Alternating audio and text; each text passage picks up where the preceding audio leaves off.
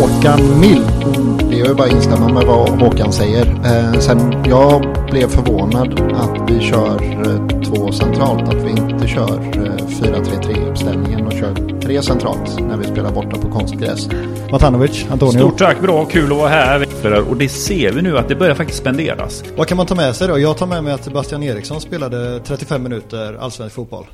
Då säger jag hej och välkommen till Kamratpodden avsnitt nummer 41 och med oss idag har vi Marcus Lantz. Hur står Ja. det till? Tjenare. Jo, det är bra. Det är det. Ja, Det är bra när man sitter här med, med er. Absolut. härligt härligt.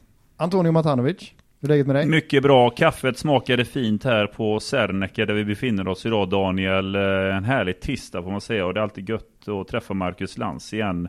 Vi ska snacka såklart mycket pojkallsvenska men det är, man- vi måste ju ta lite tysken idag. Lite Li- ja, lite. tysken ändå Ja. när vi har tysken himself här Lantz. Det blir man ju extra glad över. Ja.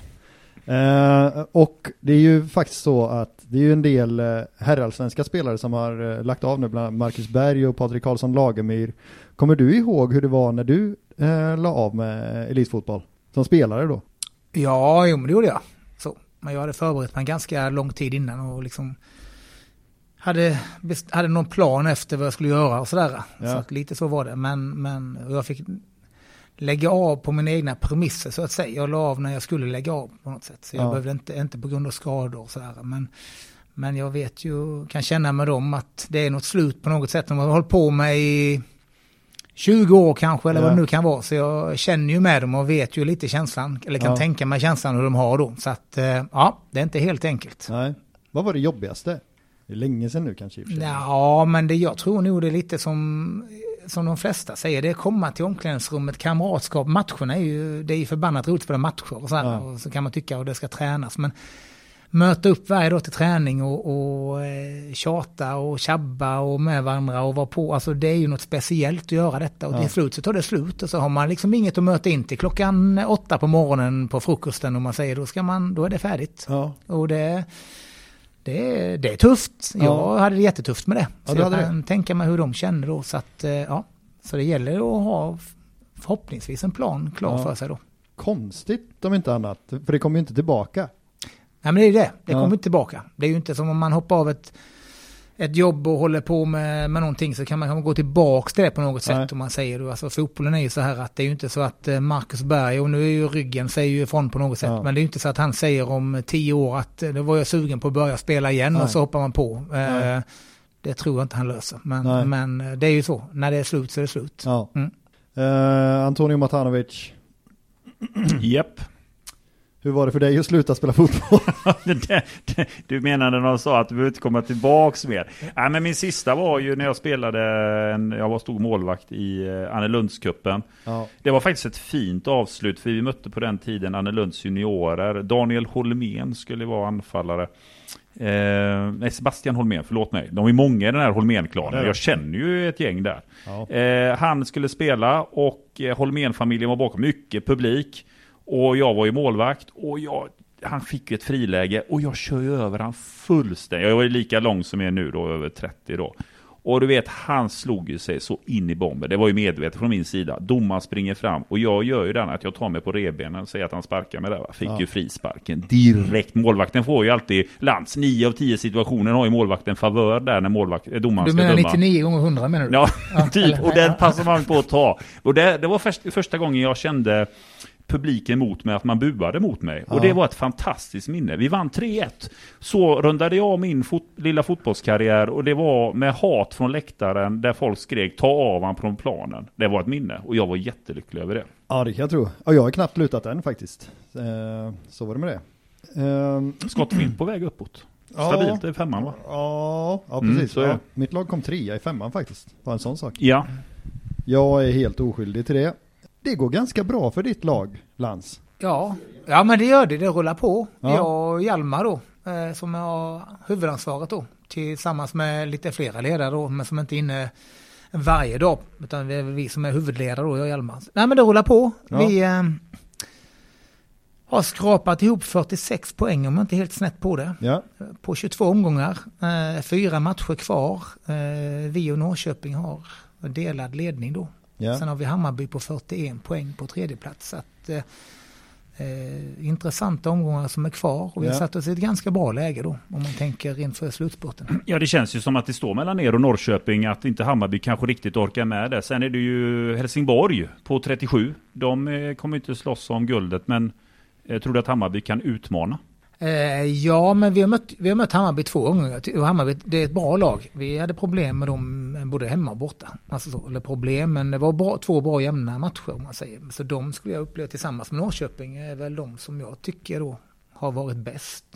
Förutom oss själva då. Ja. Eh, så det är ju, tycker jag, om man tittar på tabellen, det är de tre bästa som ligger i topp då. Mm. Men det, ja, Hammarby skulle kunna ta alla fyra matcherna på slutet då. Så behöver vi ta några poäng till då för att kunna vara med och fighta. Så att det hade blivit tufft. Men Vil- eh, Vilka sagt, matcher roligt. har vi kvar nu på de fyra resterande Ja omgångarna? men vi har, eh, för våran del så har vi, eh, fredag kväll har vi Halmstad borta. Mm. Eh, veckan efter har vi Öster borta. Ja, Och sen har vi Djurgården hemma. Mm. Och sen avslutar vi mot Häcken borta. tre bortamatcher och alla de här lagen gemensamt är ju lite grann i mittengeggan förutom då Djurgården som är på en tionde placering. Eh, häcken, Halmstad, Öster nia där. Häcken sexa, Halmstad sjua, Öster nia, Djurgården tia. Eh, förutsättningarna finns Marcus till att plocka en del poäng här, eller vad tror du? Ja men det gör det. Men jag tror hela den här säsongen har varit med alla matcher är att det är väldigt jämnt. Så att det finns liksom inte, jag tror väldigt få matcher man har gått ifrån och känt att det har blivit liksom 6, 7, 1 eller någonting sånt. Det är mycket 4, 2, 1, 0, 2, 1. Alltså det är bra matcher, jämna matcher. Eh, så att har man inte dagen så åker man på pisk liksom på något sätt och sådär. Så att det, det gäller att vi, att vi ser till att behålla det vi har gjort hittills då. Så det kommer bli tuffa matcher. Men, Ja. men eh, gör vi det vi har gjort hittills så har vi bra möjligheter att att, eh, ta de poängen som vi behöver för att få den högsta placeringen då. Tittar man lite grann på förra året så slutade IFK Göteborg nia i tabellen i pojkallsvenskan 19 här. Hammarby vann, Brommapojkarna och tvåa. Det, var, det är ju ganska rejäl uppryckning från nionde plats till nu delad serieledning. Frågorna är många men om du får pricka några punkter. Vad är det som har gjort att det har blivit så rätt i år? Ja, men jag tror från början, sen är det alltid svårt från år till år, för ibland blir det, alltså det är ju lite så när man spelar 19, ibland så är det, är det många som kanske just ena veckan är mycket med A-laget, eller alltså det, det, det varierar mycket i vilket lag man har om man säger. Alltså eh, vissa gånger så kanske vi har fler spelare uppe i A-truppen på träning eller matcher eller i matchtrupp som inte vi har med i vårat 19-lag och nästa vecka så ja. Och så möter man lag som inte har det eller har det. Så att det varierar mycket så. Eh, Men för våran del, det vi har fått ihop i år, det är att vi känns som att vi har... eh, Det känns oavsett vilka vi har tagit in på plan eller i truppen så har det fungerat. Jag tror vi har fått ett tydligt spelsätt att spela Ja. eh, och en bra konkurrenssituation. Jag tror alla spelare känner att man har möjligheten, om man gör en bra träningsvecka så har man en stor möjlighet att spela till helgen. Ja. Eh, Så, så att, och det har varit en bra konkurrenssituation och det har gjort att det har blivit jävla bra träningar. Ja. Eh, Och det har gjort att vi har fått resultat på helgerna. Så det skulle jag vilja säga att det är en bra, det är en av punkterna då. Men hur prioriterar man, eh, alltså om man blir kallad till en A-lagsträning kontra en match med U19? Ja, nej men vi har väl... Eh, I början har det väl varit lite att det är alltid A-laget man prioriterar på Ja. något sätt. Så ska det vara då. Ja. Och sen så vill man ju alltid kolla på spelaren. Hur mycket speltid har spelaren fått? För Ja. speltid är viktigt för de yngre spelarna. Och är den här eh, 19-spelaren påtänkt att spela i A-laget? Så att det är liksom A-laget bestämmer. Alltså lite så är det. Så rättar vi oss in efter det då. Ehm, Så att lite där är det ju. Eh, Men samtidigt så eh, är det ju en bra dialog där. Så alltid utifrån spelarens bästa på något sätt. Eh, Ja, lite så. Men även då för A-lagets bästa såklart. Så att eh, behöver A-laget spelare så går det ju före 19 såklart. Ja. Lite så där är det. Tänker du Antonio? Nej, men just det här, eh, du var inne på det Daniel, det här just med A-laget. Hur, hur eh, har det varit mer i år att spelarna har fått vara uppe med A-laget än vad det var kanske förra året?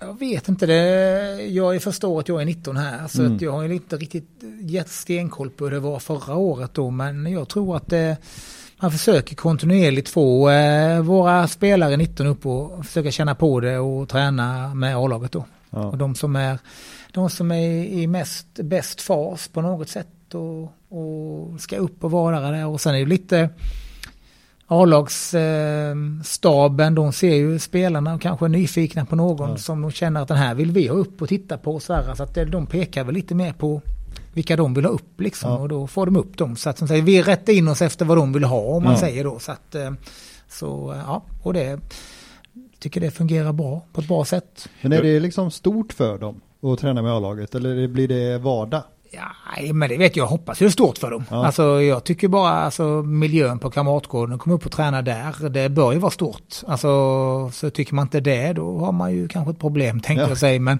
men det är klart det måste vara det. Och komma upp och bevisa sig och visa att man är värd chansen att vara där uppe. Och få mäta sig med, med A-lagsspelarna. Tror också det är nyttigt för dem att se att eh, det är ju ett steg från 19 till att spela allsvenskan. Så man yeah. nog förstår det att det är inte bara upp och träna utan det är steget från att från att eh, spela ordinarie P19 till att kliva mm. in på Gamla Ullevi och spela kanske ett, eh, en match mot, vad vet jag, säg Malmö FF hemma. Ja. Det gör man inte bara sådär utan Nej. det krävs en del om man ja. säger då. Så att, vet inte varför jag sa Malmö FF, det kändes konstigt. Ja, du Helsingborgare ja, ja, det, det kändes extremt ja, Vi kan klippa bort det sen. Ja, men det kan vi göra. Men det kändes bara som att det var en, det var en, det kändes som att man, det var en enkel match till att börja med. Ja, ja, tänkte, ja, men, men det blir lite fel då. Men, ja. Jobbigt, vi kan inte använda Helsingborg nu för det Nej, det behöver vi inte prata om. Vi tar nej. nästa fråga. Där. Ja, det, ja absolut. Mm, mm. Um, men, och där leder du oss in på en jätteintressant, uh, alltså och du har ju tagit det steget själv och du har ju sett spelare ta det steget och du har sett spelare som, som inte tar det steget. Vad, vad, vad blir nyckeln liksom för en 19-åring när den ska från, eller 18-åring för, för den delen, när den ska från ungdomsfotbollen till seniorfotboll och allsvenskan?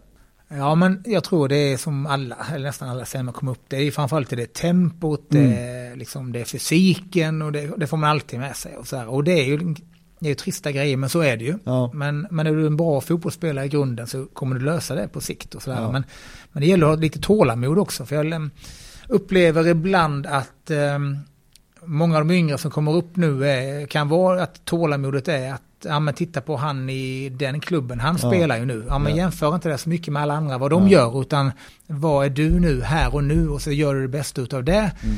Och spelar du inte denna veckan eller, eh, och inte nästa vecka så vad får du göra då? Då får du träna ännu hårdare, du får liksom göra ännu mer för att du ska bevisa det. Så att ha tålamod och träna träna, träna mer och hårdare ja. än de andra då. Jag tänker som förra året så hade du ju en liten yngre årsgrupp att jobba med. Nu är de ju lite äldre, 18 här nu.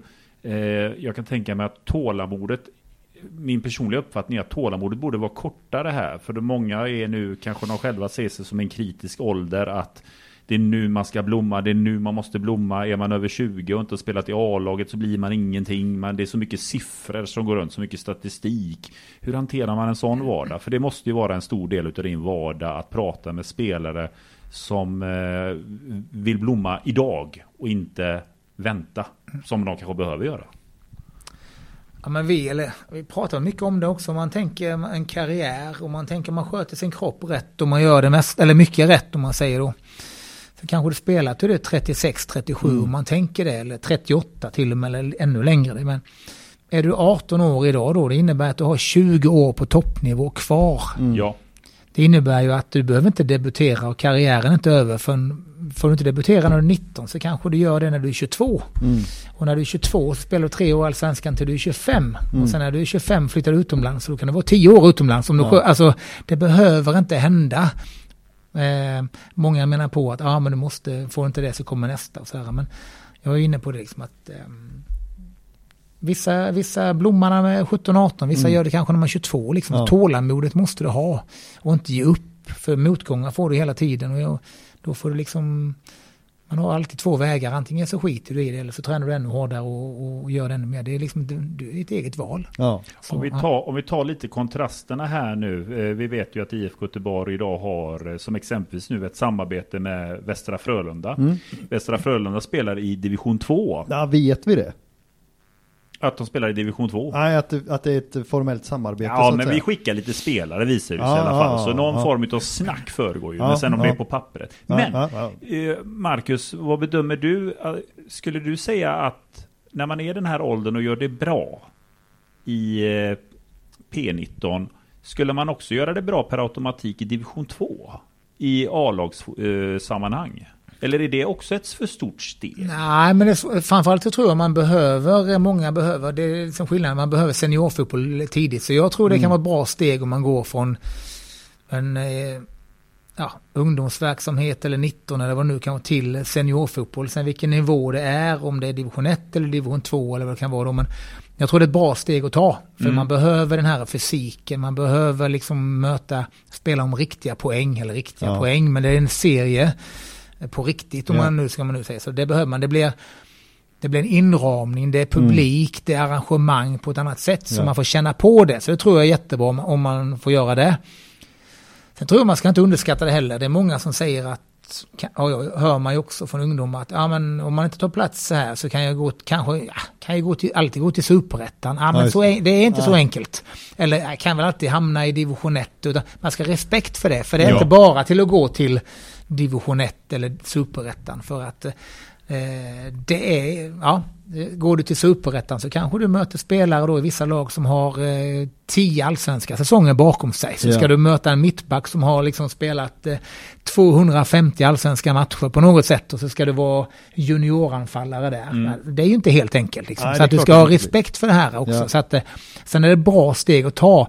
Men bara gå dit och tro att ah, det här löser jag. Nej, du får ha en, li- en liten ödmjukare inställning till det också faktiskt. Ja, precis. Men, och vad går, så att säga, brytpunkten? Alltså om man tänker neråt, när blir det inte längre meningsfullt att hämta seniorfotbolls erfarenhet? Alltså finns det en poäng för en 19-åring i Blåvitt att spela i division 4 till exempel?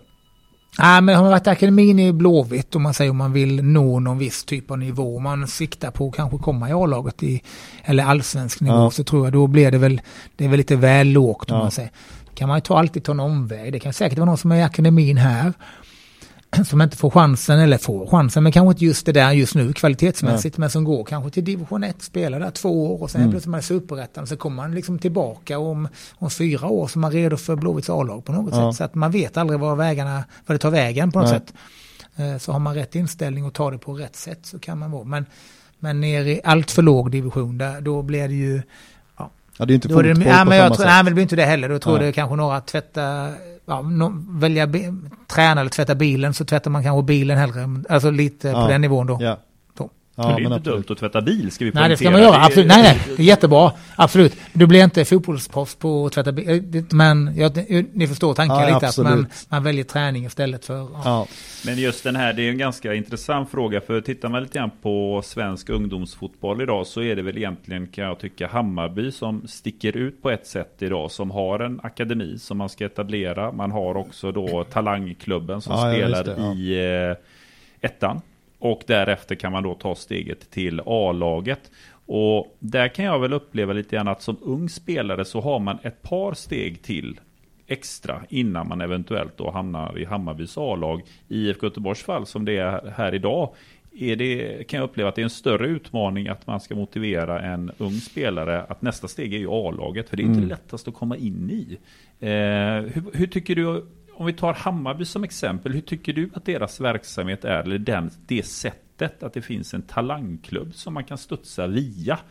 Och sen för att eventuellt hamna i A-laget. Ja, om vi bortser från hur Hammarby jobbar, men om man, om man tänker på själva upplägget Ja. med ett, eh, ett lag bredvid. Jag, jag tror det känns som en bra väg att gå. Mm. Alltså så, för man får, som jag säger, man får kanske någon extra, ja men man, får lite extra möjlighet, för det är inte säkert alla är redo när man är, eh, våra 04 här till exempel då, Nej. som det är deras sista månader här nu. Antingen går man upp i A-laget i Blåvitt eller Ja. så är det liksom färdigt på något sätt då. Och eh, det är kanske någon som inte är redo för det, men får man kanske då ett, ett avtal i någon klubb som är division 1 eller Mm. division 2 som har ett samarbete med klubben så kan det faktiskt vara att man blomstrar där om Ja. ett, ett, ett och ett halvt år och så kommer man tillbaka till till, till Blåvitts A-lag om man säger. Det kan ju Mm. vara. Så jag tror, finns det någon möjlighet att jobba så, så tror jag att, eh, jag tror på det, är en rätt väg. Eh, så, för man får som sagt, det är ju inte alla som är mognad och vad man är, någon blomstrar senare och sådär. Mm. Så jag tror det kan vara en, jag tror på det om man nu tar Hammarby som jobbar så, så tror jag på att det kan vara en bra möjlighet. Mm. Ja, och sen har du ju Jakob Finney i Västra Frölunda nu som gör det hur bra som helst i tvåan.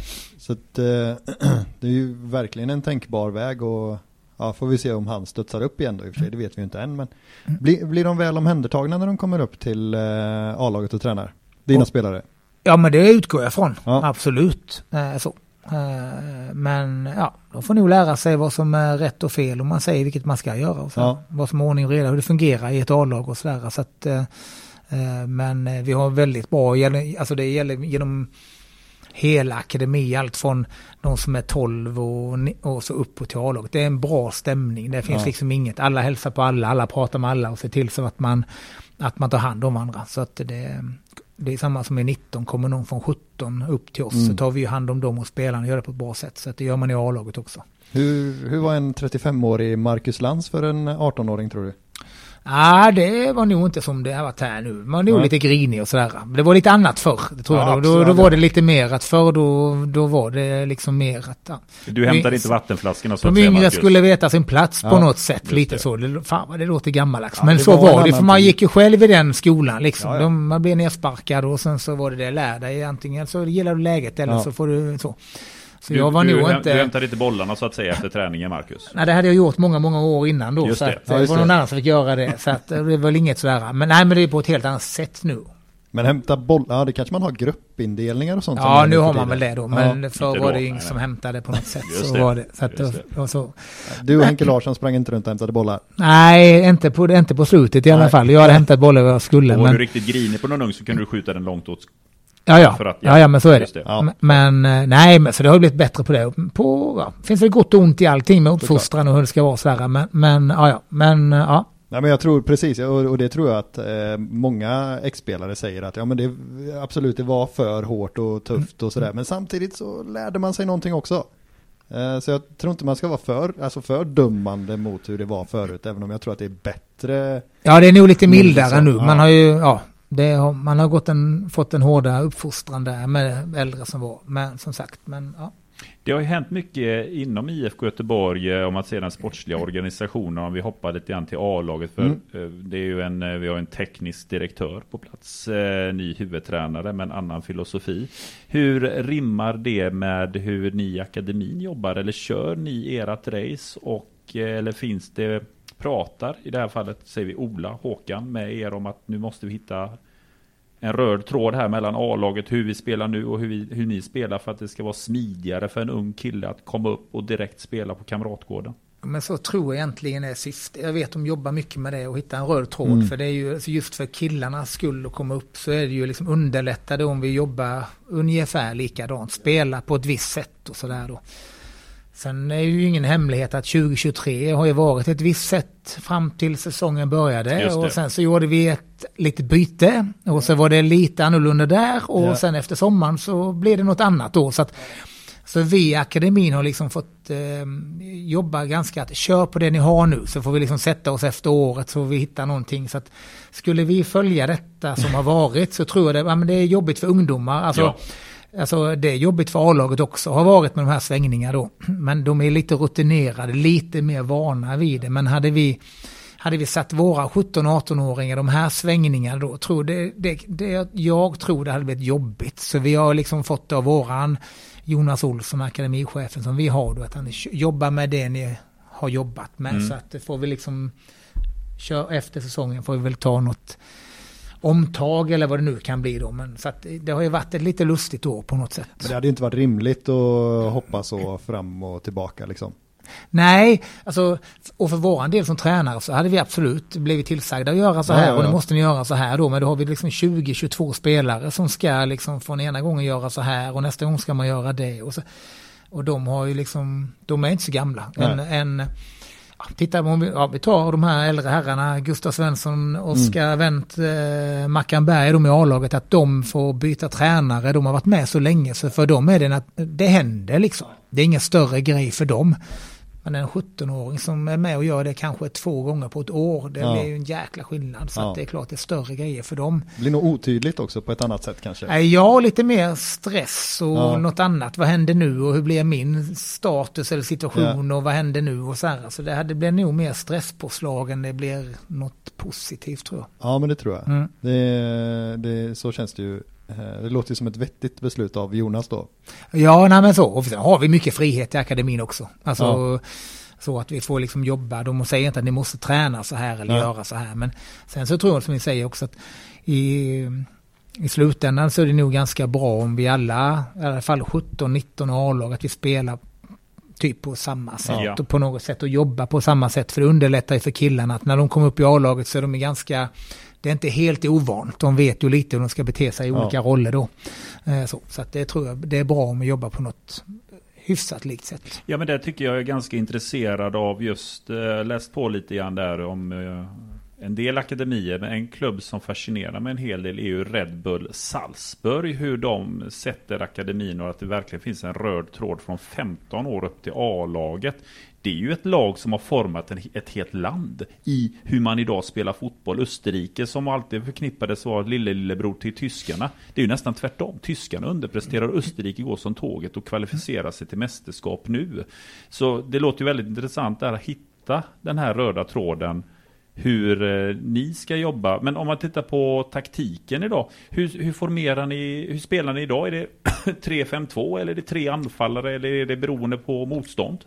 Ja, men vi har gjort det och det, vi är väl lite annorlunda tänker jag säga akademin. Vi har gjort det. Nej, men vi började ju från början när vi började säsongen så var det ju fyrbackslinje då. Ja. Vi, och det var ju väldigt så instruktioner från, från uppifrån hur vi skulle spela. Just det. Och så blev det lite ändring där och så fanns det lite olika arbetssätt i det när det blev förändring i, i ledarstaben uppåt sett. Ja. Och vi kände väl själva att vi körde fast. Vi hade väl ingen jättebra försäsong med vårat 19. Vi förlorade mycket och vi Mm. spelade inte jättebra. Och vi, vi fick inte till det. Och vi tyckte vi hade spelare som passade bättre för 3-5-2 än 4-4-2 eller 4-2-3-1 eller vad man nu kallar det Mm. då. Som Ja. spelar. Då kände vi att ska vi överleva då, för vi kände ju själva att ska vi överleva detta året så måste vi liksom göra någonting för att ta poäng på något sätt. Då. Ja. Så vi började och när säsongen startade så gick vi över till 3-5-2. Och då har vi jobbat med det då. Så det är ju lite, tittar man lagmässigt hur vi, hur vi ser ut så går det ju jättebra för vi ligger ju ändå um, delar detta. Ja. Och vi har gjort det bra. Men eh, kommer man då kanske in i en roll och tränar med A-laget som spelar med en fyrbackslinje så är det ju ett annorlunda arbetssätt. Ja. Och så är det ju inte meningen att det ska vara på något sätt. Men sen har ju bytena varit så en, Jag tror att en mittfältare i A-laget idag jobbar annorlunda än mittfältare gjorde på försäsongen 2023. Så den, Ja. den, liksom den, den eh, kravbilden har blivit annorlunda ändå på något sätt. Så att det kanske inte spelar någon större roll just nu. Ja men precis och det ser du ju i antalet löpmeter och det blir ju tufft för vissa spelare då, inte minst eh, ja, men Sebastian Eriksson som inte har den löpkapaciteten och det är väl jättebra att få med sig det från, från U, U-sidan liksom att, att det är en, för 352 kräver ju ganska mycket av en. Ja, men vi har ju det. Alltså det är ju lite... Vi tycker vi har hittat bra, eh, bra spelare på, på positionerna då, om man Ja. säger. Så det passar oss, eh, passar oss bra. Men i slutändan och framförallt till nästa år om man tittar då, så behöver vi hitta något sätt där vi jobbar lite 17-19 A-lag, tycker jag då. Ja, Eh, på något sätt. Alltså här har vi en ålder, man kan väl säga att här formas ju svensk fotboll i dessa yngre Ja. leden och i akademier. Vad ser du för typ av fotboll i, eh, i den här allsvenskan? Är det mycket trebackslinje? Är det mycket possession-fokus? Eller är det mycket djupled, snabbhet? Vad är det du ser för trender komma fram här nu inom svensk fotboll i de här leden? Eh, nej, men jag tror nu inte så mycket trebackslinje. Det har varit mycket mer fyrbackslinje skulle jag säga. Mm. Många spelare. Eh, jag tycker mig se på något sätt när vi spelar och möter lagen att eh, det har ju varit de senaste åren bara possession. För man mäter mycket i det att man kan gå ifrån en match och förlorat med 1-0 men man säger att vi hade 80-20 bollinnehav. Så vad, säger du, vad säger du kring det? det går ju ut på att vinna fotbollsmatcher. Så om vi har riktigt. 30% bollinnehav och vinner matchen så spelar det ingen roll. Sen vill man inte spela en dålig fotboll. Alltså så. Man vill ju ha bollen såklart. Men ibland så har vi det motståndare också då. Så att, men det gick nästan till överdrift att man lutar sig mot statistik och så säger man, men kolla vi hade 4,0 expected goal, så de hade bara 0,9 men de vinner matchen. Ja. Men det, ja. det är statistiken i sig, det, det blir för mycket luta sig tillbaka och titta på det och det var powerpoints och det är statistik och det och eh, det för mig, man har, till viss del kan man titta på det. Men i ja. slutändan så står ju målen där de står liksom. Ja. Och det går ut på att vinna matcherna. Så att jag tror inte man går ut till går ut till eh, supportrarna och fansen och säger det vecka ut och vecka in, men titta vi har ju 70-30, ja men ni har noll poäng i tabellen, det spelar ingen roll va. Så jag tycker att det har svängt lite mer nu att, att man spelar en fotboll som är lite mer spela bollen framåt. Det är inte så jäkla mycket att den ska landa hos målvakten och backlinjen, utan vinner du boll så ska det vara framåt och med lite mer löpningar framåt, vilket jag tycker är, är lite mer intressant. Eh, så. Sen så kan du ju såklart hålla på bollen för du måste vila med den ibland. Men, men det har blivit, jag tycker man ser lite mer tendens att eh, målet står där det står. Ja, men precis. Och det är, för, för, det tycker jag man, jag håller med. Om att förra året så tyckte jag man hörde mycket mer prat om den, ja men possession, antal skapade chanser. Mm. Eh, men, eh, eh alltså man hade förlorat då. Mm. Men i år tycker jag inte det är samma prat om bollinnehav till exempel. Alltså har man förlorat så har man förlorat. Mm. Nej, men jag är lite inne på det också. Jag tror det jag tror eh, var det förra året. Och det, det är modernt för man tittar mycket på eh, utlä, hur gör man i utlandet. Sådär. Ja. Jag tror till och med det var förra året i en match eh, där Manchester City med Pep Guardiola, man, City hade 37% bollinnehav i den andra halvlek. Och då liksom blir ju här i Sverige blir vissa så här, åh herregud, kan han ha 37 procent? Ja. Han ska ju ha 80 procent. Men ja, kan men han ha det så kan ju, då måste vi också kunna ha det. Ja. Eh, så man går lite efter hur, hur jobbar eh, de andra där ute. Så tar man lite efter sådär.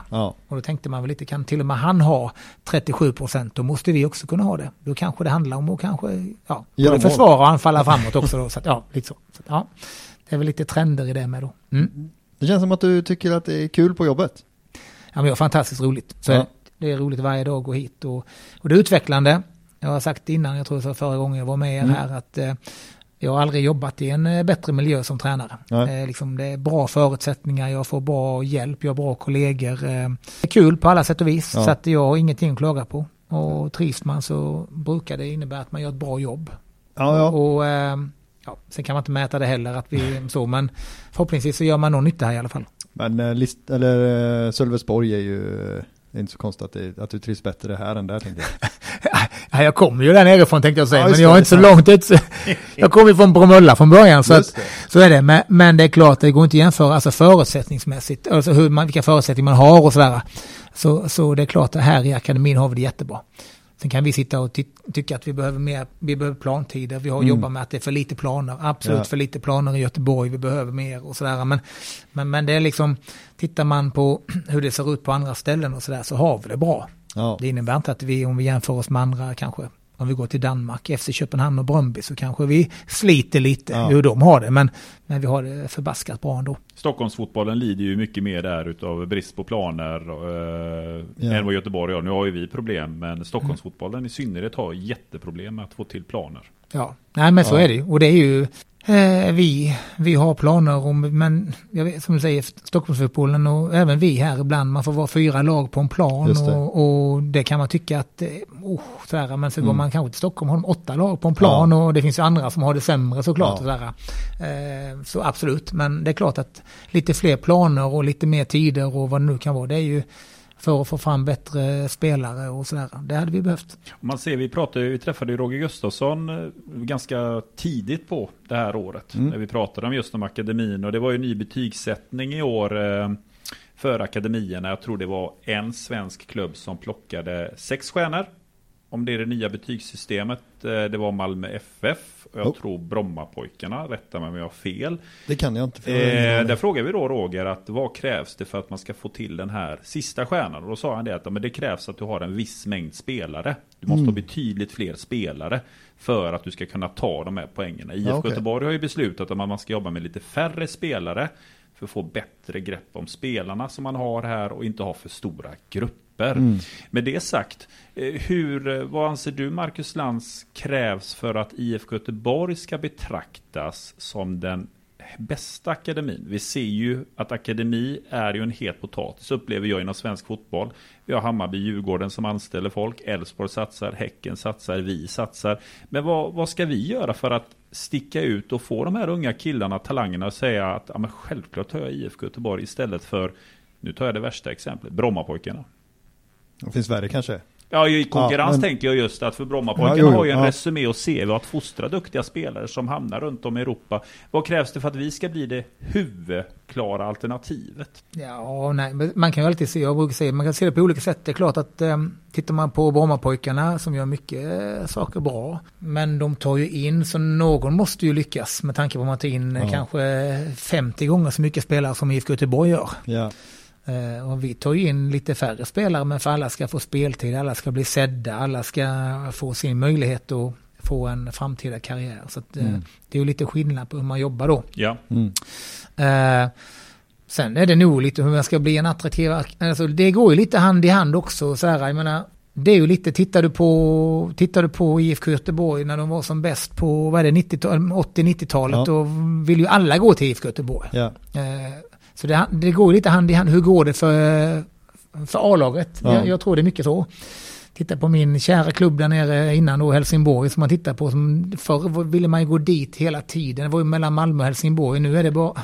Då ligger man eh, i botten i superettan. Ja. Det är ju väldigt ja, få som är sugna på att gå dit liksom. Så att då går man hellre till Malmö. Alltså, ja, det handlar ju lite om hur det går för A-laget tror jag också. Så ja, Malmös konkurrent är ju FC Köpenhamn nu. De är ju det. De är, de konkur- ja, men lite så. Så är det ju. Så att nu går ju kanske deras spelare över bron till, till danska ligan på något sätt. Så de har ju inga riktigt som konkurrerar i och med att de är så pass bättre. Än så det går lite hand i hand. Så. Sen så kan vi bara göra bra saker. Jag menar, två år i rad tror jag eh, IFK Göteborgs Akademi har varit det bästa klubb i Gotia Cup. Liksom. Ja. Två, två år i rad, så att bara det är ju ett gott betyg. Ja. Sen vi har många, många bra saker. Så att, eh, sen att bedöma om man är, vem som är bäst och inte bäst.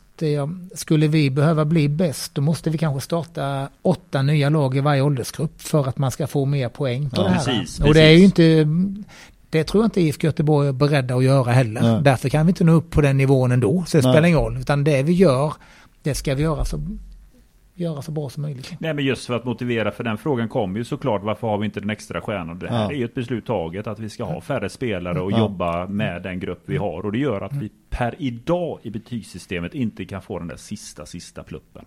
Ja, och jag, jag, jag, fattar ju att du har ett uh, jättekul jobb och sådär, men uh, saknar du att vara på, alltså, ja, det är väl elitnivå du är på i och för sig, men uh, saknar du att vara i typ allsvenskan där det brinner till lite mer kanske? Ja, dagsdatum gör inte det. Nej. Utan jag är väldigt nöjd där jag är nu. För jag har liksom, för mig är det viktigt och alltid varit när man, både som spelare och ledare då, att man man har ett jobb som stimulerar dig och mm. man känner att det är något som ger dig någonting varje dag du går till jobbet. Och det, det gör det här. Jag ja. känner att det mm. utvecklas varje dag. Jag tycker det är roligt. Jag ser ja. möjlighet. Jag ser att det är för kul att få jobba med yngre spelare och ge dem en hjälpande hand på vägen på något sätt. Ja. Jag vet själv hur förbannat roligt det är om man kommer högst upp och sådär. Ja. Och vara med. Så där, få med dem och hjälpa dem och guida dem och försöka nå deras drömmars mål. Ja. Det är ju det som jag tycker är häftigt. Eh, sen kanske om eh, tre, fyra, fem år eller sex. Jag vet inte. Nej. Kanske man känner att ah, men nu kanske jag får det här tillbaka eller ja. dyker upp någonting som man känner. Men jag, just nu har jag ett, eh, ett jobb som jag känner att varje dag jag kliver upp och går till det stycket det ger mig 100% stimulans på något sätt. Kul. Mm. Men eh, vad hade du, innan du tackade ja, vad hade mm. du för, eh, hade du några liksom farhågor? Uh, för det är, ju, det är ju en stor skillnad på jobb tänker jag. Alltså jobba med juniorer kontra uh, seniorer. Fanns det några, någon oro liksom? Ja men det är klart, det finns det ju alltid när man ska in i olika jobb och, och det är det som är lite utmaningen i det. Uh, jag gick ju från spelare till ledare. Det var ja. en oro för hur ska man vara, bara för man har varit på en viss nivå i, i, som spelare och så blev man ju, kommer jag lyckas som ledare, hur ska mm. jag tackla detta? Ja. Eh, så det var ju, sen när man väl kom där så skulle jag ta ett, eh, börja ett u lag så gick man till ett A-lag. Ja. Hur ska jag lösa det? Och sen när jag hade varit i superettan så gick jag över till damfotboll. Just det. Och hur, fan, hur ska det bli mellan herrar och damer? Och det var också en oro. Ja. Eh, och sen så gick man från damalsvenskan till helt plötsligt fick jag herrallsvenskan. Ja. Jag har aldrig varit i herrallsvenskan och jobbat där. Kommer det gå eller hur blir det? Så det finns ja. ju liksom, men jag gillar utmaningar. Ja. Och sen så fick jag då akademin här. Ja. Och det var ju också en utmaning. Ja. Och det blev det, för jag tycker det var tufft. Hur ska man vara mot spelarna? Mm. Hur tydlig kan man vara mot dem? Vilka krav kan man ställa och hur ska man vara då? Jag blev inkastad eh, i slutet av mars första gången jag fick mm. detta då i 17. Och tittar man på resultatmässigt så gick det ju skit. För vi mm. tror vi hade fem poäng efter 13 matcher. Så jag sa till Jonas Olsson, det här var nog ingenting för mig. så det här går åt helvete. Men så hade jag lärt mig mycket fram till sommaren då. Och sen ja. så jag tror vi vinner hösttabellen om man tittar. Så vi ja. landar någonstans i mitten eller på något rimligt ställe då. Så att jag ja. har lärt mig mycket. Det tar ju tid att komma in i det. Men det alltså bara för man har varit på och spelat och varit ledare på en viss nivå så är det inte säkert man kan just den avdelningen. Så det tog lite tid. Ja. Men jag tycker det har satt sig och jag tror att eh, jag har eh, hittat, eh, hittat nycklarna till att försöka hjälpa spelarna då. Vad var det du gjorde bättre? Nej, men det är lära känna gruppen också. För jag har mycket sånt att ska du lyckas så måste du känna, lyckas och få ihop laget. Och mm. du, du, du, är aldrig bättre än laget på något sätt. Ja. fungerar inte laget fungerar du inte individuellt. Fungerar ja. laget fungerar du individuellt. Det är liksom det får ihop gruppen då. Sen kommer ja. man in i en helt ny grupp med med olika och det, det är ju skillnad. Alltså, här, här är en grupp som är 16, 17, 18, de går i skolan och man har olika hemförhållande och skolförhållande och det är liksom, det är ju lite mer spretigt. Har du ja. ett A-lag i fotboll så vet du alla här får spela allsvensk fotboll och du ja. har detta och detta. Och de här har och så vidare. Ja, och ja. man kommer hit, man man äter frukost, sen går du ut och tränar för du är här för att göra detta. Och här kommer någon som kan ha haft en eh, skit i skolan för ja. det har misslyckats på prov eller någonting. Så kommer det två stycken in som är lite hängiga där. Någon mm. har haft det jobbigt på något annat ställe. Ja. Medan tio andra har det liksom wow. Så, här. så det, man kommer in med olika förutsättningar till träningen och det ska ja. man då ha 20 spelare som man brottas med med detta. Och det är det som är lite häftigt. Ja. Så man får liksom ibland ta hänsyn till att vissa kanske inte har sin bästa träning på måndagen, men det kan ja. ju finnas en anledning. Det behöver inte mm. vara för att de inte är fokuserade, det kan vara något helt annat. Ja. Så man får liksom känna av läget lite mer. Hur tydlig kan man vara, det undrar jag. Du sa ju själv där hur tydlig man kan vara i tänker, allsvensk kontext och mot ungdomar. Vad säger du själv? Men jag tror generellt i Sverige är vi lite för, jag ska inte, ja, lite för mesiga tror jag. Mm. Mm. Eh, jag menar inte att man ska stå och skälla på något sätt, men vi måste lära våra 17, 18, 19-åringar att när du kommer upp sen till den andra nivån, då är det inte, det är något helt annat. Ja. Då ska du upp på den nivån och sen vill utomlands, för alla vill ju utomlands, ja. de flesta då är du i helt annan värld. Ja. Så vi måste, jag tycker mer, man gör, inte dem, man gör inte dem en tjänst och bara springa och klappa dem på ryggen och tycka det allting är halleluja på något sätt. Eh, utan vi måste lära dem på något sätt vad det innebär att bli allsvensk spelare eller ja. fotbollsproffs. Eh, och det behöver man inte alltid skälla. Men kravställningen tycker jag mer att är vi här så är vi här för att träna. Mm. Och då får man lära sig att lägga saker och ting bakom på något sätt. Jag vet det ungdomar vi jobbar med. Det är jättesvårt. Det är jätte, jättesvårt. Mm. Men är du allsvensk fotbollsspelare så kan du liksom inte komma in och ha en ursäkt när du ska ut och träna. För du har en ganska väl av, du har en ganska bra lön att träna mm. på. Då kan du inte säga att det kärvade hemma med disken eller det Nej. var något jobbigt hemma med ungarna på Nej. dagis eller vad det nu kan vara. Nej. Då är du liksom nollställ, träna ja. och sen får du dela med det andra sen. Ja. Det. det. tror jag det måste vi lära våra ungdomar också. Ja. När går den gränsen då? För jag tänker att när, här, här i Blåvitt så kan man ju börja kicka bollen man är 12. Mm. Eh, när går det, tycker du, över till att man ska prata mer resultat och krav kontra som du säger här, härligt ryggdunke, vad fint det är, roligt att ni kom, vi, vi har roligt tillsammans, det viktigaste är att vi utvecklas tillsammans. När går den? Är det när man är 15 år som man ska börja skruva på det eh, mentala? Vet, det är jättesvårt. Alltså, det är ju som sagt, och vissa är väl mottagliga tidigt. Vissa mm. killar eller tjejer tar det bra tidigare, vissa behöver längre tid och sådär. Mm. Men ja, det är jättesvårt. Men jag tror ändå att man måste Alltså det, men jag menar med kravställning och sådär, det är inte att man ska stå och vrålskälla. Det är inte det det handlar om. Det handlar mer att man liksom säger att fan nu är vi här och nu tränar vi, nu får vi liksom, alltså man har en lite tydligare kravbild på vad det innebär att, att vara här på något sätt. Sen vilken ålder det är, oh, det är svårt. Det brottas man ju med. Förbundet har ju här att eh, vi, vid 12 år räknar man ju inte resultat. Det börjar ju när man är 13 år. I Stockholm ska man ju till och med börja vrida på det ytterligare, ta bort serier. Eh, för mig så låter det som att man vill spara administrativ tid, men det är min Mm, teori.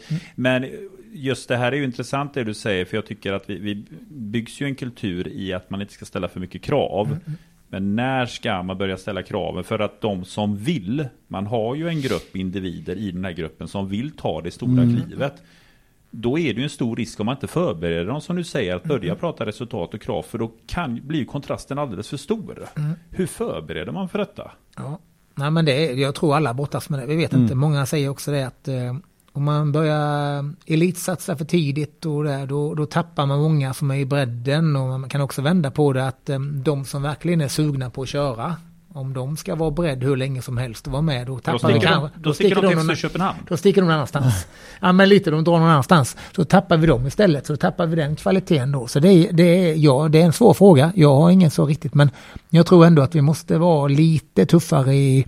För om vi tittar runt om om vi går till Köpenhamn till exempel, som ett bra Ja. exempel, så vi, vi, vi, vi måste ju ändå vara ärliga på något sätt och säga att vi tappar ju i svensk fotboll. Ja. Vi kommer ju längre och längre efter. Och sen kan man alltid säga att det är det ena och det andra då, men, men vi måste nog tuffa till oss lite. Få lite mer skinn på näsan och bli lite tuffare. Ja, men jag tänker också någonstans, om man väljer att sätta sitt barn i IFK Göteborg, då tänker jag ju också att det finns ju massa breddföreningar, då känns det som att då behöver man ju också förbereda sina barn på att det här är liksom, här kommer det ställas krav på dig. Eh, Men om vi går till, eh, ja men jag vet inte vad man nu ska ta för förening, vilken division 5-förening som helst, så kommer det inte ställas samma krav. Det är också ett föräldraansvar tänker jag det där. Alltså, och, och någonstans måste ju en elitförening också få vara en elitförening, men det känns som att man inte riktigt får det. När de är så, alltså 12-13. Nej, men det är som säger, men jag tror man vet ju, och man- jag vet att man får, ett, eh, man får en ganska tjock eh, bibba med papper här som Ja. man ska läsa igenom vad det innebär att vara i akademin. Ja. Och där står ganska tydligt att det är liksom vissa förutsättningar och Ja. regler. här, Men, och det går jättebra att läsa igenom det i början och sen så börjar det liksom så. En del börjar spreta lite och så här. Så jag tror också man sätter man sina och sen samtidigt så IFK Göteborg är väldigt bra för man utbildar inte bara bra fotbollsspelare utan man utbildar bra människor Ja. också. Det. Det är ju det som är det viktiga. Man har ju det här Ja, ja. med kamratskap och allt vad det innebär. Så vi jobbar med 4K som är, Mm. som är en väldigt viktig del i det. Det spelar ingen roll om du är en superbra spelare. Nej. Beter du dig som, eh, ja, så får du inte vara kvar ändå. Nej. Så man, det finns många andra bra värde, grunder i det hela då. Så. Men, men, men det är ju inget konstigt menar jag att IFK Göteborg eh, sysslar med elitidrott. Det måste man ju få göra. Ja men så är det. Jag tror det också. Jag tror man måste vara mer förberedd på att, att det är så. Det är, Ja. ju, det är ju elit man håller på med och man inte är beredd på att satsa. För du, ska du nå upp yppersta eliten så då måste du liksom lägga ner tid och kraft Ja. på det. Det gör man inte bara sådär utan då måste man vara beredd att lägga ner mycket kraft och det vet man ju att man behöver göra då. Ja. Och är man inte beredd på det så får man kanske vara någon annanstans där det är lite mer lite mer hopp och lek på Ja. något sätt då. Så Ja. Absolut.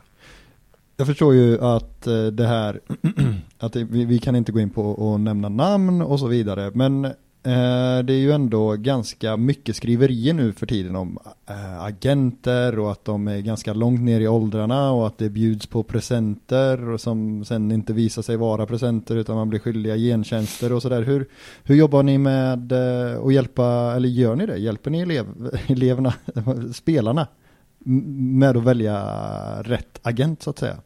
Nej, men inte kanske inte välja. får. Nej, men det får vi inte göra. Nej. Utan man, för det är ju liksom, vi kan inte rekommendera någon och så. Men väldigt part, eller man får vara lite så här försiktig med det. Ja, Eh, sen kan man alltid liksom tänk på detta och man kan ge tips och råd och sådär då. Ja. Men, men det är ju en, en, en, det är en djungel utav eh, det här då. Sen tror jag det blir lite lugn, lugnare blir det inte heller. Men nu ska man nu har det kommit in igen att man behöver ha licens för att ha det här. Men det kan, alltid vara, det kan alltid vara en som står på pappret och så jobbar det 200 andra bakom på något sätt. Så Ja. att det, det, Ja, men det så går alltid, kommer- så kommer alltid gå att komma runt det Ja. på något sätt. Universal i det här fallet Daniel, det är ju ett stort nätverk och det är många agenter och det är Absolut. bara för att det betyder inte att alla agenter som är där är ju eh, knepiga. Nej, nej, men nej, det nej. kan finnas några fula fiskar i en organisation. men, det om finns en, överallt. men om en spelare kommer och säger till exempel att idag saknar jag en rådgivare. Vi har ingen, det kanske är mamma och pappa som förhandlar. Men det kanske spelarna vill komma upp till en viss ålder och säga, kan, inte, kan de fråga er och säga, ja, men vem ska man ha som rådgivare? Kan ni ge något tips? Får de ställa den frågan? Ja, det kommer ju inte till oss eh, direkt. Det, det tror jag det går så, men nej, men jag tror nog att man... Jag tror eh, IFK har säkert eh, några som de kommer bättre överens med, ja. alltså som jobbar lite med, som kan säga men de här skulle vi kunna rekommendera, eller, sen vet jag inte om de gör det eller inte, men jag tror att det är väl spelaren som säger, skulle jag kunna den här eller den här och så kan mm. man säga att ja, du bestämmer men kanske det här. Ja, men det är svårt. Jag tror klubben får liksom inte riktigt... Nej, eh, nej. Man får inte säga någonting på det nej. viset. Och så, då, och det är jävsigt, då blir det Ja, men det blir ju det. För då kan man säga att ta in den här så blir vi... Och då blir det den här diskussionen att uh, ta in den här firman så kan vi jobba. Så ja. det blir, då blir det. Det blir snurrigt. Ja, det blir det. Ja. Och det vill man inte sätta sig varken som klubb eller spelare eller agent på något sätt egentligen. Men så det är nog lite lurigt så. Så att jag vet inte riktigt hur, hur vi jobbar. Jag är för dåligt insatt. Ja, det är kanske inte riktigt hel... ditt jobb heller. Nej, nej, men jag vet ju, vi har ju, alltså jag, idag har väl alla spelare tänkte jag säga, har väl agent för det. För, för 20 år sedan hade väl ingen det, men nu, idag tror jag alla spelare från 15 har väl agent i hela ja, världen tänkte jag säga. Men det är så att alla i din mm. trupp här nu, de har en agent idag? Kan jag inte svara på, men jag tror det. Från mm. 15 år så får man ju skriva kontrakt med agenter, tror jag det. Så, ja, det blivit... och, och, jag tror agenter är ju nere och liksom de skriver med dem. Ja. Och så. så jag tror de flesta skulle jag tänka mig har någon typ av agent, rådgivare. Ja, det tror jag också. Ja, det tror jag, så är det. Har du stött på några konstigheter? Jag förstår att vi, vi kan inte prata detaljer och sådär, men har, har du blivit orolig eh, någon gång? Nej, nej, nej. utan jag vi är ganska skonade från det. Det är inga ja. som kommer fram på något sätt eller gör något. Så vi, har, vi har det bra här. Ja. Tror mer det. Inga, inga nya klockor? Nej, nej, nej, precis. Nej, det skulle vara något kanske. Ja, nej, ja. nej, nej, men vi har det bra. Jag ska väl säga att vi har det väldigt bra så. Jag kanske, sen vet jag inte hur Jonas, vår akademichef, nej. han blir utsatt för han är ju våran chef om man säger. Det vet jag inte, men vi, vi, eh, vi blir inte, eller jag har inte blivit utsatt för, för något sånt i alla fall. Nej. Men du ser, så, du ser så respektingivande ut också, så du kanske inte vågar. Nej, med tanke på den överkroppen och det ja, axelpartiet ja. så blir det nog så. Du har helt rätt. Hållningen i alla fall, den, den skojar man inte bort. Den är stark. Eh, var kanske, nu vet jag inte. Jag tycker du har stabil hållning. Är, Tack. Du, uh, får du suga i dig. Um, nu blir det återigen då, jag förstår att du inte kan välja några namn och sådär, men um, jag tänker ställa frågan ändå. Vilka eller hur många spelare tror du kommer ta klivet från ditt U19 upp till eh, A-laget? Eller till någon form av A-lagsverksamhet kan man säga. Vi kan börja med vårat kanske. Ja, kanske från, till Blåvitts A-lag. Har, du, har du någon som du ja, känner? Nej, men, nej men det är svårt. För ja. det är ju lite vi, alltså vi är ju den, eh, den sitsen lite att vi är ju mer, om jag och Hjalmar då, vi ser till att försöka utbilda dem så bra ja. som möjligt och, och göra det. Sen så har man ju alltid A-lagstränare och den ja. ledarstaben där uppe. Man har scouter, man har ja, som, som gör någon typ av bedömning då såklart. Ja. Är det någon i vårt 19 som känner att um, den här spelaren vill vi ha upp eller ja. vill vi ha den här? Och det behöver inte vara de, de sista. Det kan vara vilken ålder som helst man känner att eller ska vi på den positionen behöver vi ta in någon annan då. Så att, Det är mer ett jobb de gör och där är inte vi med så mycket. Vi har liksom ingen dialog, eh, dialog men vi det är inte vi som på något sätt bestämmer det utan det är de som sitter en ett eller två etage högre än vad vi gör då som, som, som bestämmer vilka de känner för då. Men ditt öga kanske säger att den här kan, kanske nog kan få frågan. Det ser bra ut på plan det jag sett nu över en hel säsong och Gamla... Ja, nej, men det kan det säkert vara, men det är ju inte säkert att eh, som det är nu då, hade det varit... Eh... Leder ju allsvenskan, jag tänker att det borde finnas några ja, men namn här va? Sen hade det varit, hade det varit kanske man tänker från början, och vi har haft samma, samma tränare, då har man samma tänk, då vet mm. man ungefär vad den Just tränaren det. tänker, och då vet vi att vi har jobbat med den här tränaren, den här vill se den här, trä, den här spelaren på något sätt, men i och med att det varit lite annorlunda 2023 så eh, vilken typ av spelare vill vi se vi, vi, jag visste ungefär vilken typ av spelare man, eller vilken typ av kravprofil man hade på en spelare i februari 2023. Jag är, vet ju inte, inte helt hundra just nu om man säger. Så det, det, förändras ju lite. Och av, eh, och, av olika anledningar såklart då. Men, men ja. Eh, så jag, ja, ja, nej. Och just nu har vi ju inte suttit vi träffas ju sådär, men det är inte det så vi har suttit ner jättemycket med A-laget om man säger, för de de har ju så mycket med sitt. De också, behöver, ju, behöver ju rädda upp det vi ska räddas upp där, om Ja. man säger nu då. Så Ja. att, eh, ja. jag får så. också en känsla av att du inte hade svarat om du hade vetat. Nej, det hade jag inte gjort. Jag hade, det är helt rätt. Jag hade inte sagt något namn heller då, Nej. som jag, skulle, som jag känner, utan det blev lite mer utifrån vad jag själv hade känt. Ja, Så, så att, nej, absolut inte. nej, Men som sagt, det är ju det är andra som får liksom bedöma det. ja. Mm. ja det är en svår fråga för dig att svara på såklart. Ja. Men jag måste ändå ställa den. Ja, det var en bra fråga, absolut. Det är inga fel på den.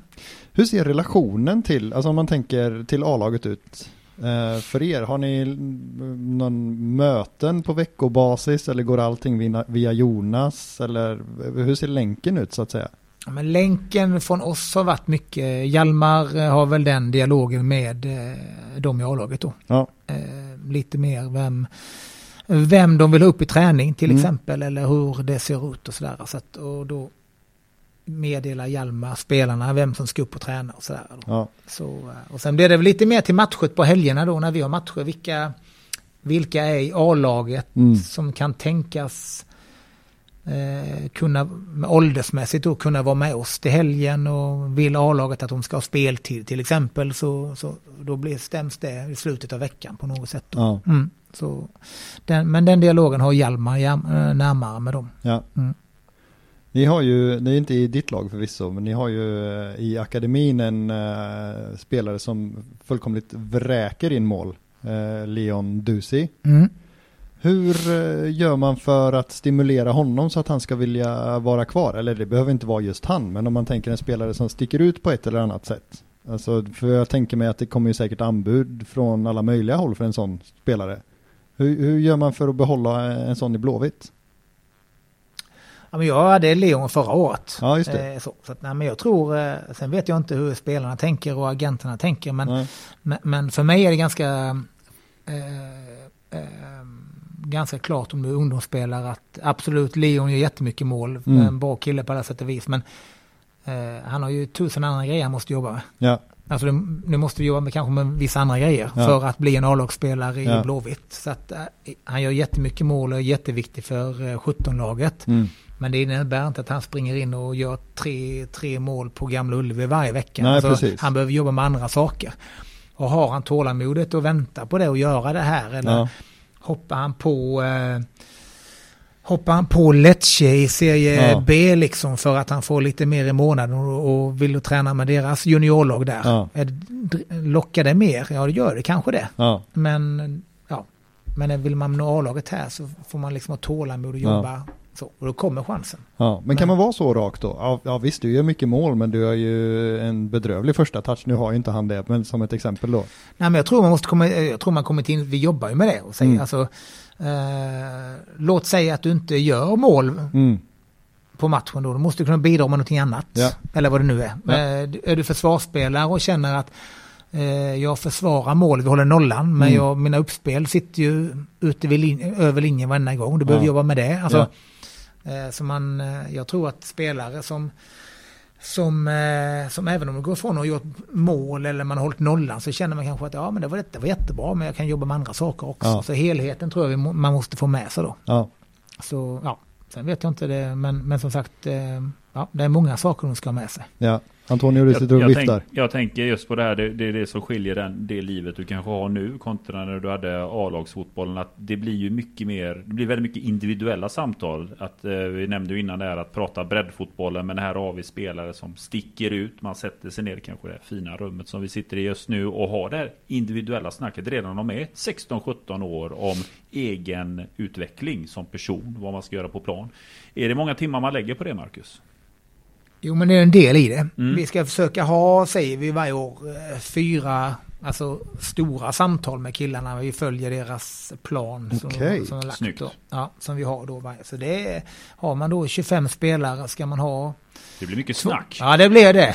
Man ska hinna med det. Men det är viktigt. Det är viktigt för det är inte bara fotboll. Det är lite hur mår man utanför, hur Det är går det i 100 skolan. samtal och... säger min matte direkt här att vi Ja. har 100 samtal på ett år på 365 Mm. Ja, dagar och ja, ett samtal så kanske, hur långt är ett sånt samtal? Är det 10 minuter, en timme? Ja, men det är lite olika. Vissa stökar undan lite snabbt och sen Ja. så vissa sitter lite längre. Det beror på lite vad man är i livet just när man pratar med dem då. Vissa Ja. känner att de mår fantastiskt bra och så går det ganska snabbt. Vissa Ja. kan ha det behöver ha behov av att prata lite mer på något sätt. Så det är ju, det är inte alltid bara fotboll, det är mycket hur går det i skolan, hur är det ja. något annat och sen så eh, så, så nej, det är bra och det är viktigt för oss eh, att ha de samtalen. Och sen har vi ju liksom samtal varje dag, varje vecka på plan om man ja. säger lite mindre så. Men, men de samtalen är, är viktiga och då då försöker man guida dem på något ja. sätt mm. eller så här om man frågar liksom och, och, då försöker man ge hon frågar mig så söker jag lite, lite tips kanske. Ja. Vad jag hade tänkt eller vad ja. jag hade gjort. Men sen är det upp till dem och sådär. Men så försöker man säga att fördelen med detta kan ju vara detta. Men nackdelen kan ju också vara detta. Så ja. försöker man ge lite tips då. Sen så vad de gör med det. Om de lägger det i papperskorgen eller de tar med sig någonting. Det är ju upp till dem själva då på något sätt. Ja. Eh, vårdnadshavare med då eller? Eh, nej, inte i våran ålder. Ja, de lägre åldrarna vet jag. Ja. De har föräldrar med sig då. Men eh, hos oss är det vi själva bara då. Ja, de är så gamla. Ja, just det. Ja. ja. ja. Så då, det måste då... väl nästan vara lite skönt, eller? Får man säga så? Ja, jag menar lite så. Jag tror det, det, det vet jag inte hur de upplever spelarna, men ibland är det kanske så. Spelarna de ställer sina frågor till oss. Mm. Eh, så. Det, är inte, det är inte föräldrarna som ställer frågor. Alltså, så. De har ju blivit lite mer vuxna, så de just känner det. och pratar lite mer och sådär. Så, så nej, men det är bra. Det är intressant och bra samtal oftast. Ja. Ja. Och du får gå på utvecklingssamtal med din grabb då antar jag, eller? Han blir inte med där. Han Nej. får lösa det själv. Ja. Han, är, han är 16 nu, ska fylla ja. 17 så han får lösa det själv. Det hade okay. varit roligt om du hängde med. Det hade varit jätteroligt. Det hade varit extremt roligt. Mm, jag tror också det. Jag tror det har varit uppskattat. Nej men, så det, nej men det är bra. Så jag tror där är vi bra i akademin och vi följer upp allting och vi försöker vara väldigt så. Det är ju som sagt det är inte bara att vi ska fostra Nej. allsvenska fotbollsspelare, Nej. vi ska fostra bra människor också. Ja. Ska, vi ska få ut, det, även om inte de blir en allsvensk fotbollsspelare i Göteborg så ska de bli kanske en fotbollsspelare någon annanstans. Ja. Och blir man inte det så ska man bli en bra människa i samhället. Man ska liksom inte bete sig som någon ja, vad det nu kan vara man kallar dem. Men, men man, ska, man, ska vara en bra, man ska få en utbildning i det också om man uppför sig. Det är jättebra. Mm. Det är en bra investering. Ja, men och det där mm. K i IFK är ju ja. viktigt liksom. Ja, så är det. Kamratskap. Ja, men så. Det är lite så, så att absolut. Men man förstår att det är många timmar. Vi träffade ju Peter Svanström här innan vi poddade. Så jag skrev till honom där, är du på plats idag? Jag är till nio.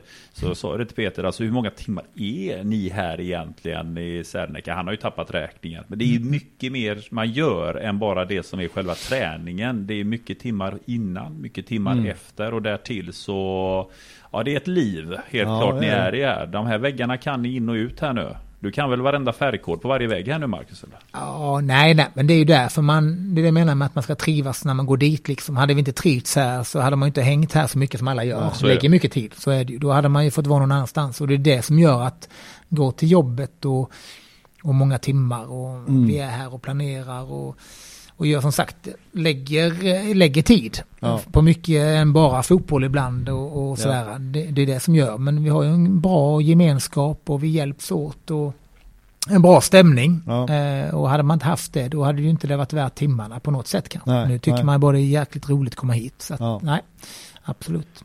Ja, det är roligt att höra. Vill du dra lite lyssnarfrågor Antonio? Kan vi ta lite grann från Instagram här. Du, du har ju svarat på alla frågor redan för det är ju många som undrar just varför, vad som är kul att ha det här uppdraget som du har nu det tycker jag du har besvarat mer än väl. Men eh, om man tar eh, Daniel här har en bra fråga. Av, ni andra ställde också bra frågor men de är besvarade ska jag betona nu. Men vad tycker du att Blåvitt per idag behöver göra mer konkret för att fler akademispelare spelar i Blåvitts A-lag? Mm. Det är en stor fråga. Ja, det. Säga. Men jag tror att vi har varit inne och rört lite på det. Jag ja. tror eh, att det kan vara nu, ska vi, nu nämner vi Hammarby då, men jag tror på något sätt att kan vi få in våra eh, juniorspelare i seniorfotbollen och ha det steget mm. eh, så tror jag det, det är en jättebra väg. För jag tror det är det är stort att gå från 17-18-åring eh, i ett juniorlag, kliva rätt in och spela allsvensk fotboll. Liksom. Ja. Det är, en del klarar det, mm. men jag tror det är eh, inte så enkelt. Utan man, kan man då liksom få lite... Jag tror vi får med fler spelare i, i A-laget om vi går den vägen då på något sätt. Ja, jag tänker också ganska mycket på, nu har jag aldrig spelat fotboll på någon nivå, men jag kan ju tänka mig att det gör fruktansvärt ont att spela en allsvensk match. Alltså det smäller väl på rätt ordentligt hela tiden liksom. Ja men det är ju, det är ju det, som säger, det är tempot och det är fysiken och det, det är så mycket mer och, och du ska bli, som bli van att spela matcher som, alltså det gäller, det gör det i våran P19 också ja. på något sätt. Men för våran del är det någonstans, det viktigaste är att vi utbildar bra spelare och sen ja. vill vi vinna på något sätt. Det är det mm, det handlar om på något sätt, brukar jag säga. Vi måste lära, det är också en utbildning att vinna fotbollsmatcher, vi måste lära oss det också. Men, ja.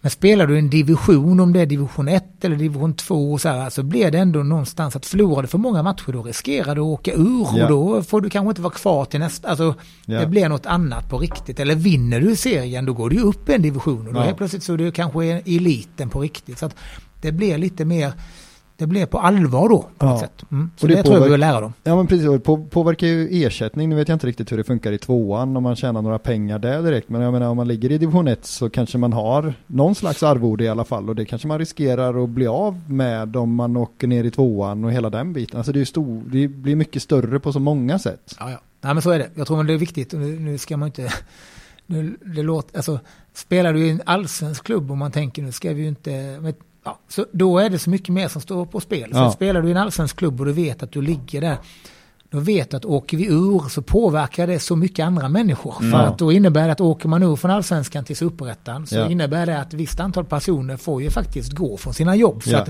du påverkar många människors liv. Ja. Och så kan man inte tänka man springer in på en allsvensk match och att tänk om det är så här. Men det blir ju på allvar liksom att det, det är så mycket som står på spel. så att, det... Och det måste du förbereda dig för när du ska upp där. Och då är det en bra väg att gå liksom. Och folk spelar på eh, ja, division 1 eller division 2 vad det är. För det blir också bra. Men det tror jag att det finns säkert personer som har med sig in när de, ska, när de spelar. Alltså att det blir så viktigt. Det är, nog, det är ju inte, elitidrott är ju inte för alla.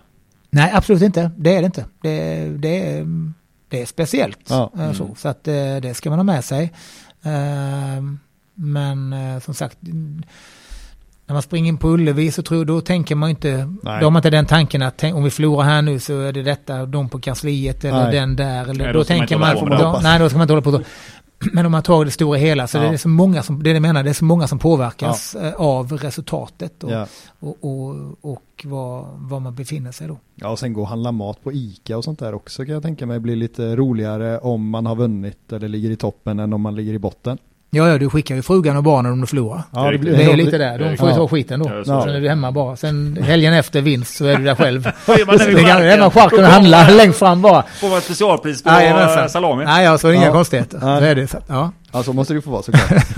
Nej, men jag tycker att av dagens debatt, jag tycker, vi har ju tagit upp det innan här Daniel, men en eh, väldigt intressant fråga jag tror kommer vara på framtida medlemsmöten nu, speciellt med Ola Larsson här nu i spetsen, med mm. sin bakgrund i Hammarby. Det blir just den här frågan jag tycker blir väldigt intressant. Ja. Steget till A-laget och att det finns en klubb däremellan. Mm. Eh, och hur det skulle eventuellt kunna se ut. Det kommer vara en het potatis. Men vi måste greppa den och vi måste diskutera den. För ja. det är, jag är helt inne på vad Lantz säger här. Det är ett stort kliv. Kan man på något sätt göra en, någon form och gräddfil längs vägen. Ja, men sen kan jag bli lite allergisk för det pratas så himla mycket om individuella utvecklingsplaner och så vidare och så vidare. Jag, återigen då, allt var väl inte bättre förr, men jag kan, hade du någon individuell utvecklingsplan när du var på väg framåt? Nej, alltså allt har ju varit, eh, nej men jag, jag kan hålla med också att eh, det är ju mycket så, man sitter i samtal och det pratas som man ska, och det är väl, det är bra, det förändras, det är ju inte alltid det här, men det är lite, jag kommer tillbaka till det här också, att man lutar sig lite tillbaka också hela tiden har det varit, det kanske inte så mycket nu, men man lutar sig mycket till statistik, att ja. eh, vi har förlorat matchen, men så kan man visa man upp ett papper, men mm. vi skulle egentligen vunnit. Ja. ja, men ja, eller jag slänger upp någon skön powerpoint på ja. eh, på bioduken här och ja. så ser det jäkligt fint ut. Men jag får inte ut det på, nej men jag fick inte ut det på plan. Men jag, jag, kan jävligt fin med datorn här. Men jag får inte ut det på plan. Eh, mycket sådana grejer då som att, fan, förr var det kanske mer det, ut och vinn och sen det är det det handlar om. Någonstans ja. måste du lära dig att vinna fotbollsmatcher också. Sen ja, vet precis. ju att det är mycket modernare och det ska vara modernare jo, jo. på något sätt. Men vi får inte glömma det andra, det, som det, är ju, det är på plan det avgörs. Det är liksom inte bakom datorer och statistik på något sätt. Nej men bara för om man tänker sig att ja, men det här är Blåvitts plan för dig. Så eh, om eh, tre år vill vi att du eh, sitter på bänken och sen om fyra år så, vill, så, så startar du centralt på mittfältet till exempel. Det betyder ju inte att det blir så. Bara för att Blåvitt har en plan. Alltså jag kan bli lite allergisk mot, ja men eh, de hade ingen plan för mig så jag gick dit istället. Men det är ju precis så den globala fotbollen ser ut. Det är någon Jo. som ger dig en plan och då kommer din rådgivare och säger att har inte Blåvitt pratat något med dig? Nej, vi kör bara. Men vi tror inte det behöver vara här just vi Blåvitt. Nej, men nu tog jag ju, Ja. nu vet vi att det är annat. Men se, det här kommer ju fina Lecce här va, Serie Ja. B. De har sagt att hörru du, kom ner hit och gör det bra så lurar det ett Serie A-kontrakt här Ja. i framtiden. Eh, Okej, kollar du flyget? Ja. Och kontra den klubben som inte haft den individuella. Och det är ju det som är den stora skillnaden. Och det är ju fantastiskt att ni sitter fyra gånger om året här och har de stora samtalen. Det är ju en fantastisk skillnad mot vad det var förr. Men så ser ju fotbollskartan ut idag. Ja, men lite så är det. Och där är vi ju, och när vi sitter och gör de här planerna så är det ju mycket tillsammans med oss tränare såklart. Ja. Men det är ju lite killarna själv som får prata om vad de har för planer. Ja. Då Eh, ligger ansvaret på dem. och, och det blir ju lite det, men samtidigt så blir det oftast att det finns ju nog inte många man sitter med som spelar i 16-17 och säger då, men om tre år då, ja men då är jag förmodligen division 4. Utan alla, ja, men alla ska ju till A-laget. Ja, ja. Så man, men man måste liksom ibland prata med, ja, och försöka liksom att det är jättebra. Men om du nu inte når A-laget, skulle Ja. man kunna gå en annan väg? Eller så, vad, är, vad är plan B till exempel? Ja. men plan B skulle kunna vara att spela i division 1 eller division 2 Ja. något år och sen kanske gå till allsvenskan då. Ja, Ja. men bra, då har vi det. Om Ja. inte det, vad har vi för plan C till Ja. exempel då? Man har, så det inte blir att ja, Okej, nu kommer inte jag upp i Blåvitts A-lag. Nej, då sker det alltså. Rasar världen samman. Det var Du det måste. Ja, det var det. Ja, men typ, Ja. du måste ha någon annan då. Ja. Någon plan. För har spelat fotboll sen du är kanske 7-8 år Ja. och sen när du är 18-10 år senare ska du inte bara sluta utan du måste ha en annan plan för att nå det. Ja. Har ju ett ganska bra, jag brukar säga det, det är ett ganska bra exempel. Man tittar på Marcus Rosenberg som var i Malmö FF. Han tog han nöp ju ingen plats i Nej. Malmö. Han fick gå till Halmstad Ja. som inte var världens bästa lag på den tiden, men gjorde det fantastiskt bra. Gick Ja. tillbaks till Malmö FF och sen så tog hans Ja. karriär fart på något sätt. Ja. Där är ju en, alltså, det går ju att ta de här vägarna. Alla går inte bara rätt in. Nej, och han var ju heller inte 19 när han var i Halmstad. Jag tror han var 21 till och med. Ja, ja, nej men Ja. så är det. Så man kan ju liksom ha, bara man har en, en plan, om det inte plan A lyckas så kan Ja. ju plan B liksom, så man inte Ja. ruttnar och känner att nej, nu blir inte det detta då. För att, Ja, och sen är ju hårt jobb viktigare än planen också kanske. ja, ja, så är det ju. Och, ja. Nej men just det som är viktigt med de här samtalen det är att man lyssnar på många experter och det är mycket, det är, ju- det är för mycket statistik anser jag. Det är för mycket siffror idag i dagens fotboll och eh, då kommer det statistik som säger att Ja men om du ska bli såld från allsvenskan till en topp 5-liga så måste du vara så här bra i den här åldern och är du över 22 år, ja, men då är du damage goods. Då kanske en holländsk klubb i bästa fall tittar på det. Det är ju det här, det är ju den budskapet de nås Ja, av sina jo. rådgivare och av eh, andra mediebyråer och liknande. Jo. Och då är det väldigt, väldigt viktigt att ha den här som du säger, en plan B. Vad Ja. händer då? Börja om, studsa upp. Det sker fortfarande. Ja. Och du kan fortfarande blomma ut. Så det är ju viktigt att ha de här samtalen. Ja. Och vi har inte så mycket mer. Det är viktigt att ha samtal med dig Marcus. Det är ju fantastiskt att vara här. Vi Ja, verkligen. En sista grej bara. Ja, ja. Kollar du något på Zweite nu? Har du kollat? ja, det har jag. Jag började kolla lite. Jag kollade de eh, fyra, fem, sex första omgångarna. För det gick Hansa Rostock som tåget. Det då var- ja, ja, sen, sen, eh, sen har det gått svajigt igen va. Så Ja. då började jag kolla lite mindre på det. Så att, eh, ja. Det är ju några svenskar som vi har i Hansa Ja, men det har vi. Ja, det är ju faktiskt det. Kalle Johansson i Kiel. Mm. Otroligt tråkig stad. Eller vad säger vi om Kiel egentligen? Ja, men tar man inte någon färja härifrån till Det är väl det enda- det- är det, det det, det kommer man ihåg? Eller? Jo, Så. men det är väl det enda något man använder det till. Ja, att jag har ingen aning. till där och åker vidare med färjan. sen hade man bara handbollslaget var väl bra där? Eller? Otroligt det. Ja, bäst i men det var inte Europa. det vi pratade om. Nej, eh, det är ju inte nu var- handbollspodden. Nej, det var, nej, Nej. det var inte det. det var, Och så är det ju Darmstadt är ju intressant också med Wilhelmsson. Darmstadt i ja, Bundesliga, det är otroligt ändå. Det är kul. kul. Han Ja. har gjort lite, gjorde väl mål direkt i början va? det. Ja, Så gjorde är han. det. Så att, Varit eh, lite skadad och sjuk sen. så tyvärr. Vad är ditt bästa Darmstadt-minne? ja, det finns inget minne Det är där. riktigt. Nej, helt ärligt. Men du, det är ju intressant det med Zweite, det är ju en egen podd i sig, men Schalke Jo, och. Hertha Berlin går ju otroligt dåligt. Det har ju hänt mycket i tysk fotboll att de här stora antagonisterna har det kämpigt. Hertha Berlin eh, långt nere i skiten får man säga, Schalke Mm. på väg ur just nu, Ja, är det. Vem är Ja. det som kommer ta över Schalke? Felix Magath, vad är ditt Felix Magath-minne då? Ja, men han var ju tränare när jag var i Tyskland. Mm. Då var han, hans största minnet från honom var att när vi åkte, man åkte iväg på träningsläger åkte man ju alltid till Österrike i stort sett. Just sprang i berg typ? Eller? Då låg man där i berg och sprang då, gjorde alltid vi också. Ja men ja, typ så gjorde man. Det var inte, ja det var minnen i sig då med ja. att man så.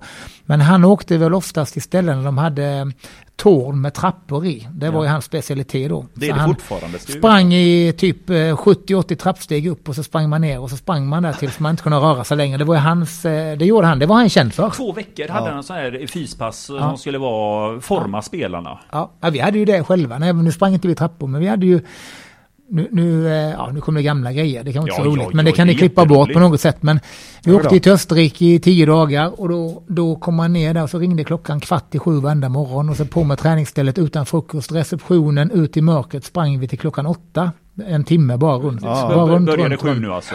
Började sju på morgonen till åtta då. Med morgon fystränare sprang man då innan frukosten upp och duschade, åt frukost vid, vid nio. Ja.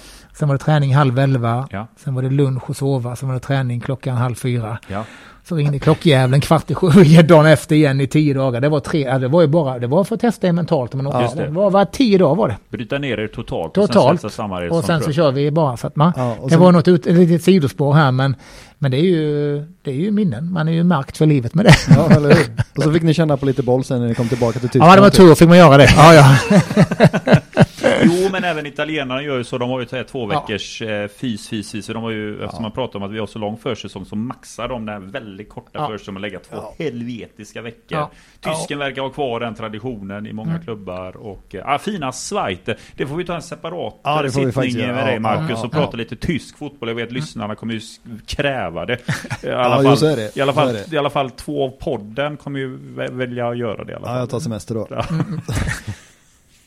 Nej, stort tack Marcus. Ja, tack själva och den inte gillar det får ni klippa bort bara. Så, Nej, jag hoppas jag inte gjort bort mig fullständigt. Nej, men det är väl bara att du nämnde Malmö FF två gånger idag. Det är om du vill ha kvar det. Du nämnde Marcus Rosenberg också här nu så det var väldigt, ja, ja, ja. det. Landslagsprofil. Ja, ja, ja. Nej men jag tror väl, jag mådde väl sådär första gången jag nämnde Malmö, var det inte så? Jo, jo. Det var väl lite, ja. ja. du tog den som exempel där när de skulle ja. Gamla Ullevi. Ja. Men det de får stryk.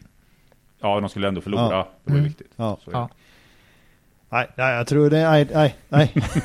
kanske får klippa bort det här däremot. Den här delen får vi nog ta bort kanske. Det är inte ja. det starkaste avslutet. Nej, nej, nej, men lycka till nu de ja. fyra sista omgångarna. Vi hoppas ja. att det blir guld, herregud. Vi kan ha guldpytt här eventuellt i om fyra omgångar. Ja, spelschemat ser spännande ut. Ja. All lycka till nu, Marcus. Ja. ja stort tack. Trevligt tack. att vara med. Ja, härligt att ha dig här. Tack. Ja. tack för att du lyssnar. Ha det gött. Hej. Tjena.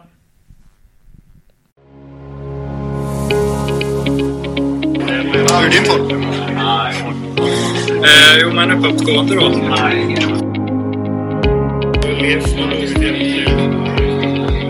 Jag trodde som pojke att jag var... Ja, det var en dröm att spela i ett skitboll.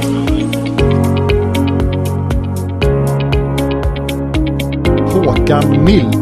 Det är ju bara att instämma med vad Håkan säger. Jag har fått göra det som Eh, sen jag blev förvånad att vi kör eh, två centralt. Att vi inte kör eh, 4-3-3 uppställningen och kör tre centralt när vi spelar borta på konstgräs.